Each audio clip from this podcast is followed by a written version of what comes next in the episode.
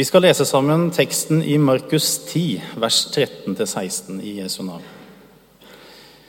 De bar små barn til ham for at han skulle røre ved dem, men disiplene viste dem bort. Da Jesus så det, ble han sint og sa til dem, La de små barna komme til meg, og hindre dem ikke.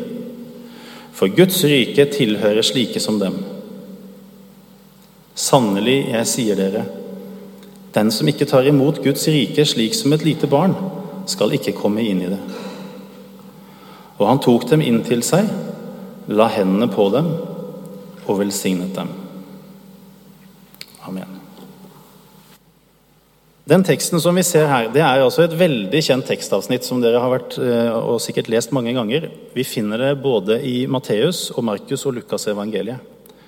Og så er det også en del av dåpsliturgien som vi har i våre lutherske kirker. Og For de av dere som har lest i barnebibler, så er dere vel vant til å se en flokk med veloppdragne og smilende barn rundt Jesus, med foreldrene i bakgrunnen. Og mange er svært glade i teksten. Søte, små barn som omkranser verdens frelser, og et inviterende budskap. Du kan bli blanke øynene av mindre. Men denne teksten er også svært sentral i forhold til en helt annen problemstilling. Da Katrine og jeg mista vårt første barn, Øyvind, så var dette en tekst som det ble sentral for meg å klamre seg til. For den adresserer nemlig også spørsmålet hva skjer med barn som dør før de er døpt? Svaret som Jesus ga, at de er en del av Guds rike, det er ingen kontrovers nå. Men det var det absolutt i, eh, blant eh, jødene i Jesus samtid. Ifølge fariseernes system med rettferdighet gjennom arbeid så var ikke barn kapable til å kunne forstå eller holde loven, og langt mindre gjøre gode gjerninger som ville la de fortjene frelse. Så hele ideen om at de ble med i Guds rike, den var rett og slett litt absurd for dem. Til slutt så skal vi se at dette er kanskje den beste teksten som jeg vet om, hvert fall, til å vise og illustrere oss det som reformasjonsheltene våre kalte for sola gratia. Nåden alene, eller frelse ved nåden alene. Jødene de var altså overbevist om at som voksen så kunne du gjøre deg fortjent til himmelen. Men barn kunne ikke gjøre det. De var ikke på kartet engang når dette her ble diskutert på Jesu tid. Utsagnene fra Jesus de var altså sjokkerende både for de som var vanlige tilhørere, og ikke minst for den religiøse eliten. Det var i motstrid med all konvensjonell tenkning. Jesus han trekker fram babyer og små barn som ikke kan hjelpe seg selv til noe som helst, som selve eksempelet for etterfølgelse. Og Like etter denne eh, fortellingen eh, så ser vi både i Matteus, Markus og Lukas eh, at det fortelles videre om den rike unge mannen. Han som kom til Jesus, som hadde holdt alt som loven hadde sagt helt siden han var liten. Og som Jesus ber gå bort og selg alt det du eier, først. Han var det ikke plass til i himmelen.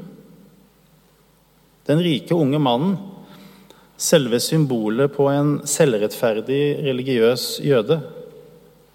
Han hadde ikke noen plass i Guds rike. Jesus snur alt på hodet. Så Vi skal gå gjennom den teksten her i ro og mak og bli godt familiære med alle versene. De bar små barn til ham for at han skulle røre ved dem. Sånn begynner det. Og Om vi ser på parallellteksten som er i Lukas, så bruker Lukas et ord for baby, eller småbarn, spedbarn, her. Så det var små barn det var snakk om. Vi skjønner det også for at de er små fordi de blir båret frem til Jesus. De går altså ikke på egen hånd. Og at han tok dem i armene sine. Det var vanlig at foreldre tok barna sine til en rabbi eller til andre prominente personer for at de skulle velsigne dem. Tilsvarende sånn som vi også gjør her hos oss i forbindelse med nattverdsfellesskapet, når presten velsigner de minste barna. Og Du husker kanskje også lignende fortellinger fra andre gamletestamentlige tekster om hvordan f.eks. Abraham velsigner sin sønn, og Isak velsigner sin sønn, osv. Fra parallellteksten i Matteus så ser vi, at, ser vi at de ønsket at Jesus skulle legge hendene på dem og be for dem også. På samme måte som vi altså ser i gamle testamentlige tekster. Nå står det ingenting om hvem de var. Det kan ha vært både mødre og fedre, og brødre og søstre og andre som var eh, bekjente, som bar disse barna fram til Jesus.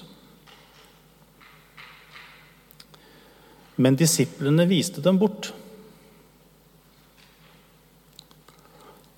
Vi får aldri vite hva som er grunnen til at disiplene ikke lar disse barna komme frem til Jesus. Kanskje var det fordi man etter Moseloven skulle være forsiktig med hvem man rørte med, for å ikke bli uren. Og disiplene ville unngå at Jesus ble uren. Kanskje var det oppfatningen om at det gikk utover gudsfrykten for de som var skriftlærde, og man brukte mye tid sammen med barn og kvinner. Og Jesus han var absolutt lærd i Skriften.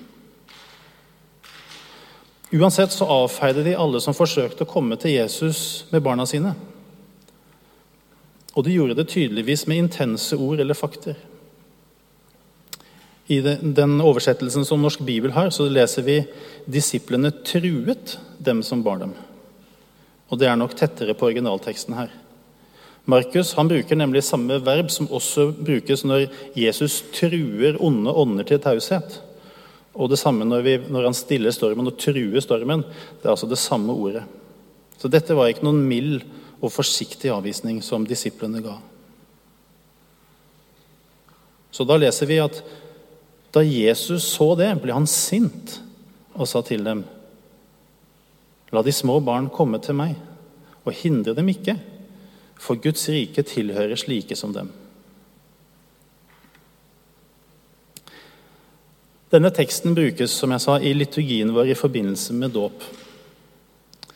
Men er dette egentlig en typisk dåpstekst? Nei, det er egentlig ikke det. De som ikke er tilhengere av barnedåp, de viser også nemlig til denne teksten og påpeker at Jesus han døpte jo ikke barna her, men han ga dem velsignelse i stedet. Men vi som er lutheranere, vi ser spesielt på den leddsetningen 'hindre dem ikke' som spesielt relevant i forhold til dåp. Barnedåp det kan vi spore helt tilbake igjen til det andre århundret. Og Det kan også hende at vi ser eh, skal vi kalle det, ringene av eh, barnedåp når vi leser i apostlenes gjerninger. Når det står at sånn og sånn ble døpt med hele sitt hus. Som lutheranere så vektlegger vi spesielt viktigheten av det å ikke hindre barns tilgang til den friheten som Gud gir oss, og det gir oss syndige mennesker gjennom dåpen. Den som er helt betingelsesløs. Og Apropos, om du har lyst til å fordype deg litt i det lutherske dåpssynet i sommer, så har Egil Sjåstad skrevet en flott artikkel om dette her eh, på nettstedet foross.no. Den heter 'Ti innvendinger mot et luthersk dåpssyn', hvor han forsvarer eller svarer på de vanligste innvendingene som vårt dåpssyn møter. Få gjerne med deg den. Vi ser også fra flere av tekstene i apostlenes gjerninger at spørsmålet om hinder relatert til dåp at det var viktig for apostlene. I apostelgjerningene 8, når diakonen og evangelisten Philip møter på den etiopiske hoffmannen, så ser vi at hoffmannen konfronterer Philip med spørsmålet etter at han har blitt undervist i ordet. Da sier han, 'Hva er til hinder for at jeg blir døpt?' Og dette kan ikke Philip svare på, og så blir han døpt. På samme måte sier Peter, når Kornelius og hans hus blir fylt av Den hellige ånd, kan noen da nekte dem vannet og hindre at de blir døpt? Når vi ser Jesu forargelse her i teksten over at barna blir hindret fra å komme til han, så er sinnet han viser, det er retta kun mot disiplene for deres feilaktige antagelser og misforståelser i forhold til Guds ord. Og jeg syns det er spesielt verdt å merke seg hva som ikke var et tema her. Den åndelige tilstanden til foreldrene var ikke et tema. Om de var troende eller ikke, var ikke et tema. Og barnas tro var heller ikke et tema. Jesus han slår også ettertrykkelig fast Guds rike tilhører slike som dem. I den setningen så er det ingen kvalifikasjonskrav overhodet. Når det ellers i Bibelen er snakk om hva som kreves for å komme inn i Guds rike, så ser vi gjerne kombinasjonen av tro og dåp, med litt forskjellig betoning eller vektlegging. Men her ser vi altså at Guds rike tilhører barna betingelsesløst. Betyr det at, at barn er syndfrie og uansett tilhører Guds rike? Nei. Og vi må ikke prøve å forstå denne teksten dit hen at barn er født syndfrie. Det har skjedd én gang, da Jesus ble født. Men Guds rike, det tilhører slike som nyfødte og små barn. De har rett til å møte evangeliet og få muligheten til å ta imot det.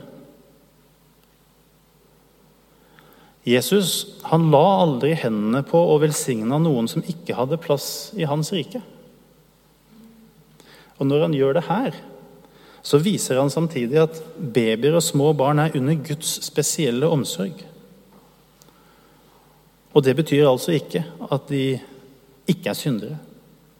Syndefallet det tilhører oss alle sammen, og vi er født inn i det. Vi mennesker vi er ikke syndere fordi vi synder, men vi synder fordi vi er syndere.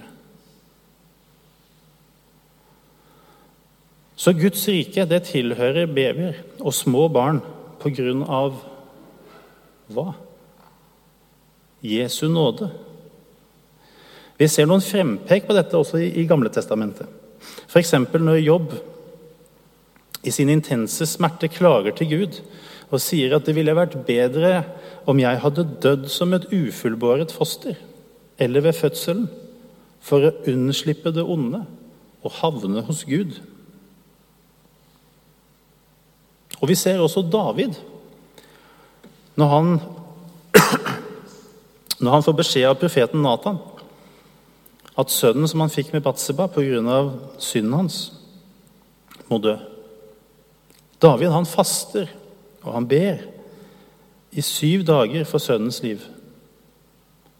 Men når tjenerne til slutt forteller at gutten er død, så avslutter han fasten brått, vasker seg og skifter klær. Tjenerne de blir overraska over dette, og så spør de hvordan han kan oppføre seg på den måten. Og Da svarer David følgende.: Så lenge gutten levde, fastet jeg og gråt, for jeg tenkte:" Hvem vet om ikke Herren forbarmer seg over meg og lar gutten leve? Men nå som han er død, hvorfor skulle jeg faste?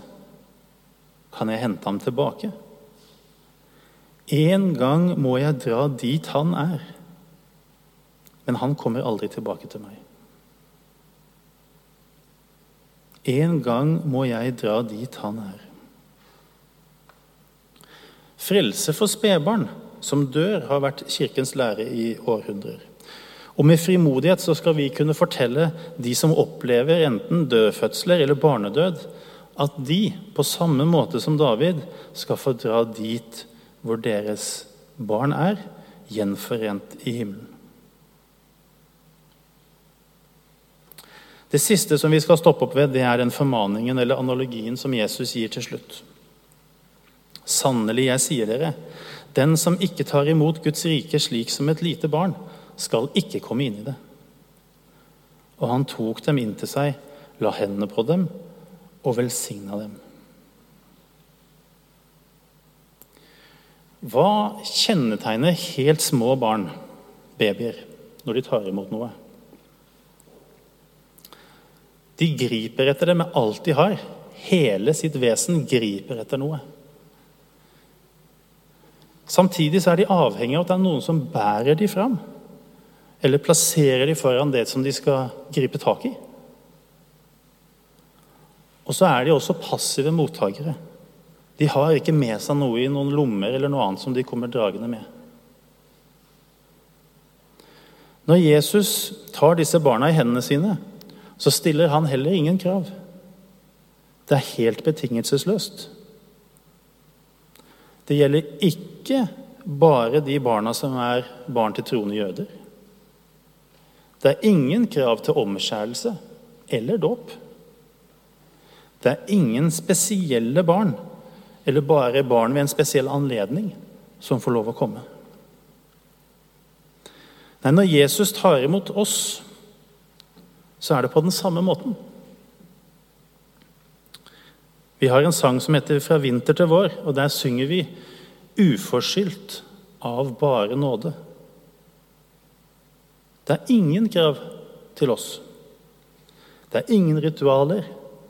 Det er ingen spesielle renselser som vi må få unnagjort før vi kan få lov å komme til Han.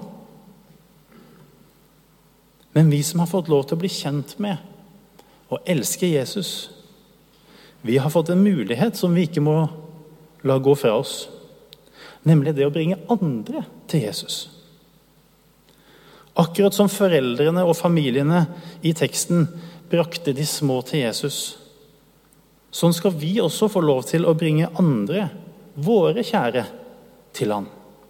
I bønn. Inn her i kirka. Inn i andre kristne fellesskap. Helt i starten på Markusevangeliet leser vi om den lamme mannen. Han som blir båret fram til der hvor Jesus er. Og så er det så mye folk. Så de må opp på taket og bryter seg gjennom taket, og så firer disse vennene ned.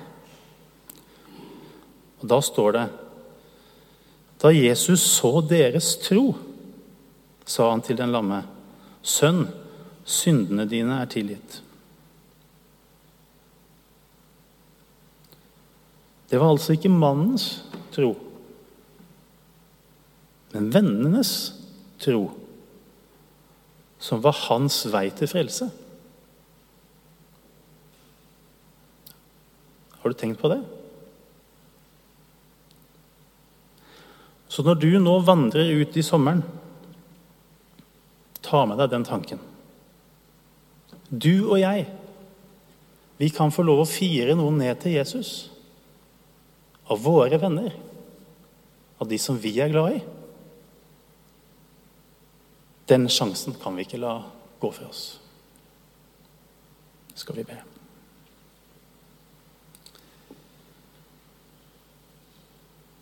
Kjære far, takk for det ordet vi har fått lov å grave litt inn i i dag. Takk, Jesus, for at du står med åpne armer til oss.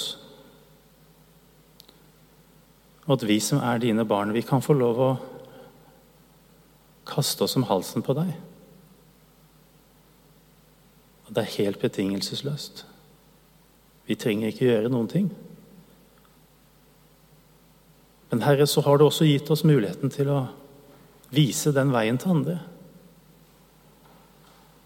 Herre, må du hjelpe oss til å bruke de anledningene som vi har. En stille stund sammen med deg, Jesus, i bønn en invitasjon til å få andre med oss på et møte eller en samling her.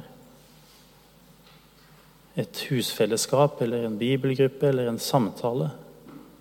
Herre, må du hjelpe oss til å bringe andre til deg på samme måte som vi så her i teksten. Må du velsigne oss gjennom sommeren. Amen.